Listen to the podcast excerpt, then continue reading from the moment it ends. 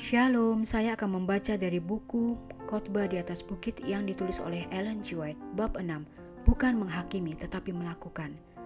Dalam pembahasan di buku Matius 7 ayat 25, tetapi rumah itu tidak rubuh sebab didirikan di atas batu. Benar-benar telah digerakkan oleh kata-kata Kristus.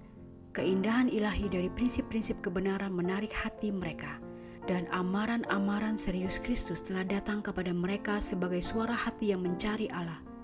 Kata-katanya telah membongkar sampai ke akar-akar pikiran dan pendapat mereka dulu. Untuk mengikuti ajarannya akan memerlukan suatu perubahan dalam semua kebiasaan pikiran dan tindakan mereka. Ini akan membuat mereka bentrok dengan guru-guru agama mereka, karena ini akan menyangkut perubahan seluruh struktur yang dari generasi ke generasi telah dibina para rabi. Oleh karena itu, walaupun hati menanggapi kata-katanya, sedikit yang bersedia untuk menerimanya sebagai pembimbing kehidupan. Yesus mengakhiri ajarannya di atas bukit itu dengan satu ilustrasi yang jelas menunjukkan pentingnya menerapkan kata-kata yang telah dia ucapkan.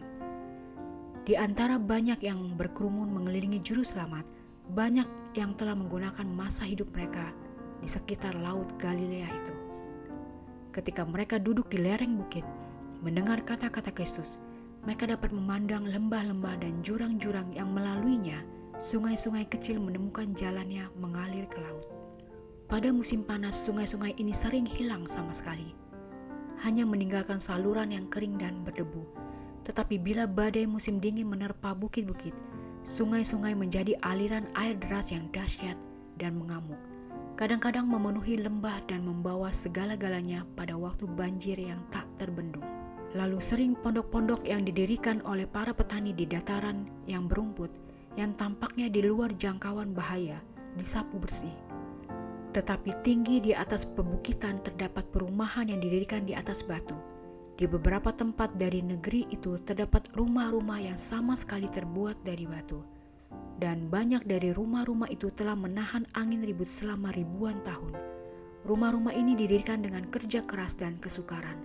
Rumah-rumah tersebut tidak mudah didatangi, dan lokasinya tampak kurang menarik, bukan seperti yang di dataran rumput. Tetapi rumah-rumah itu didirikan di atas batu, dan angin, banjir, serta topan sia-sia untuk merubuhkannya.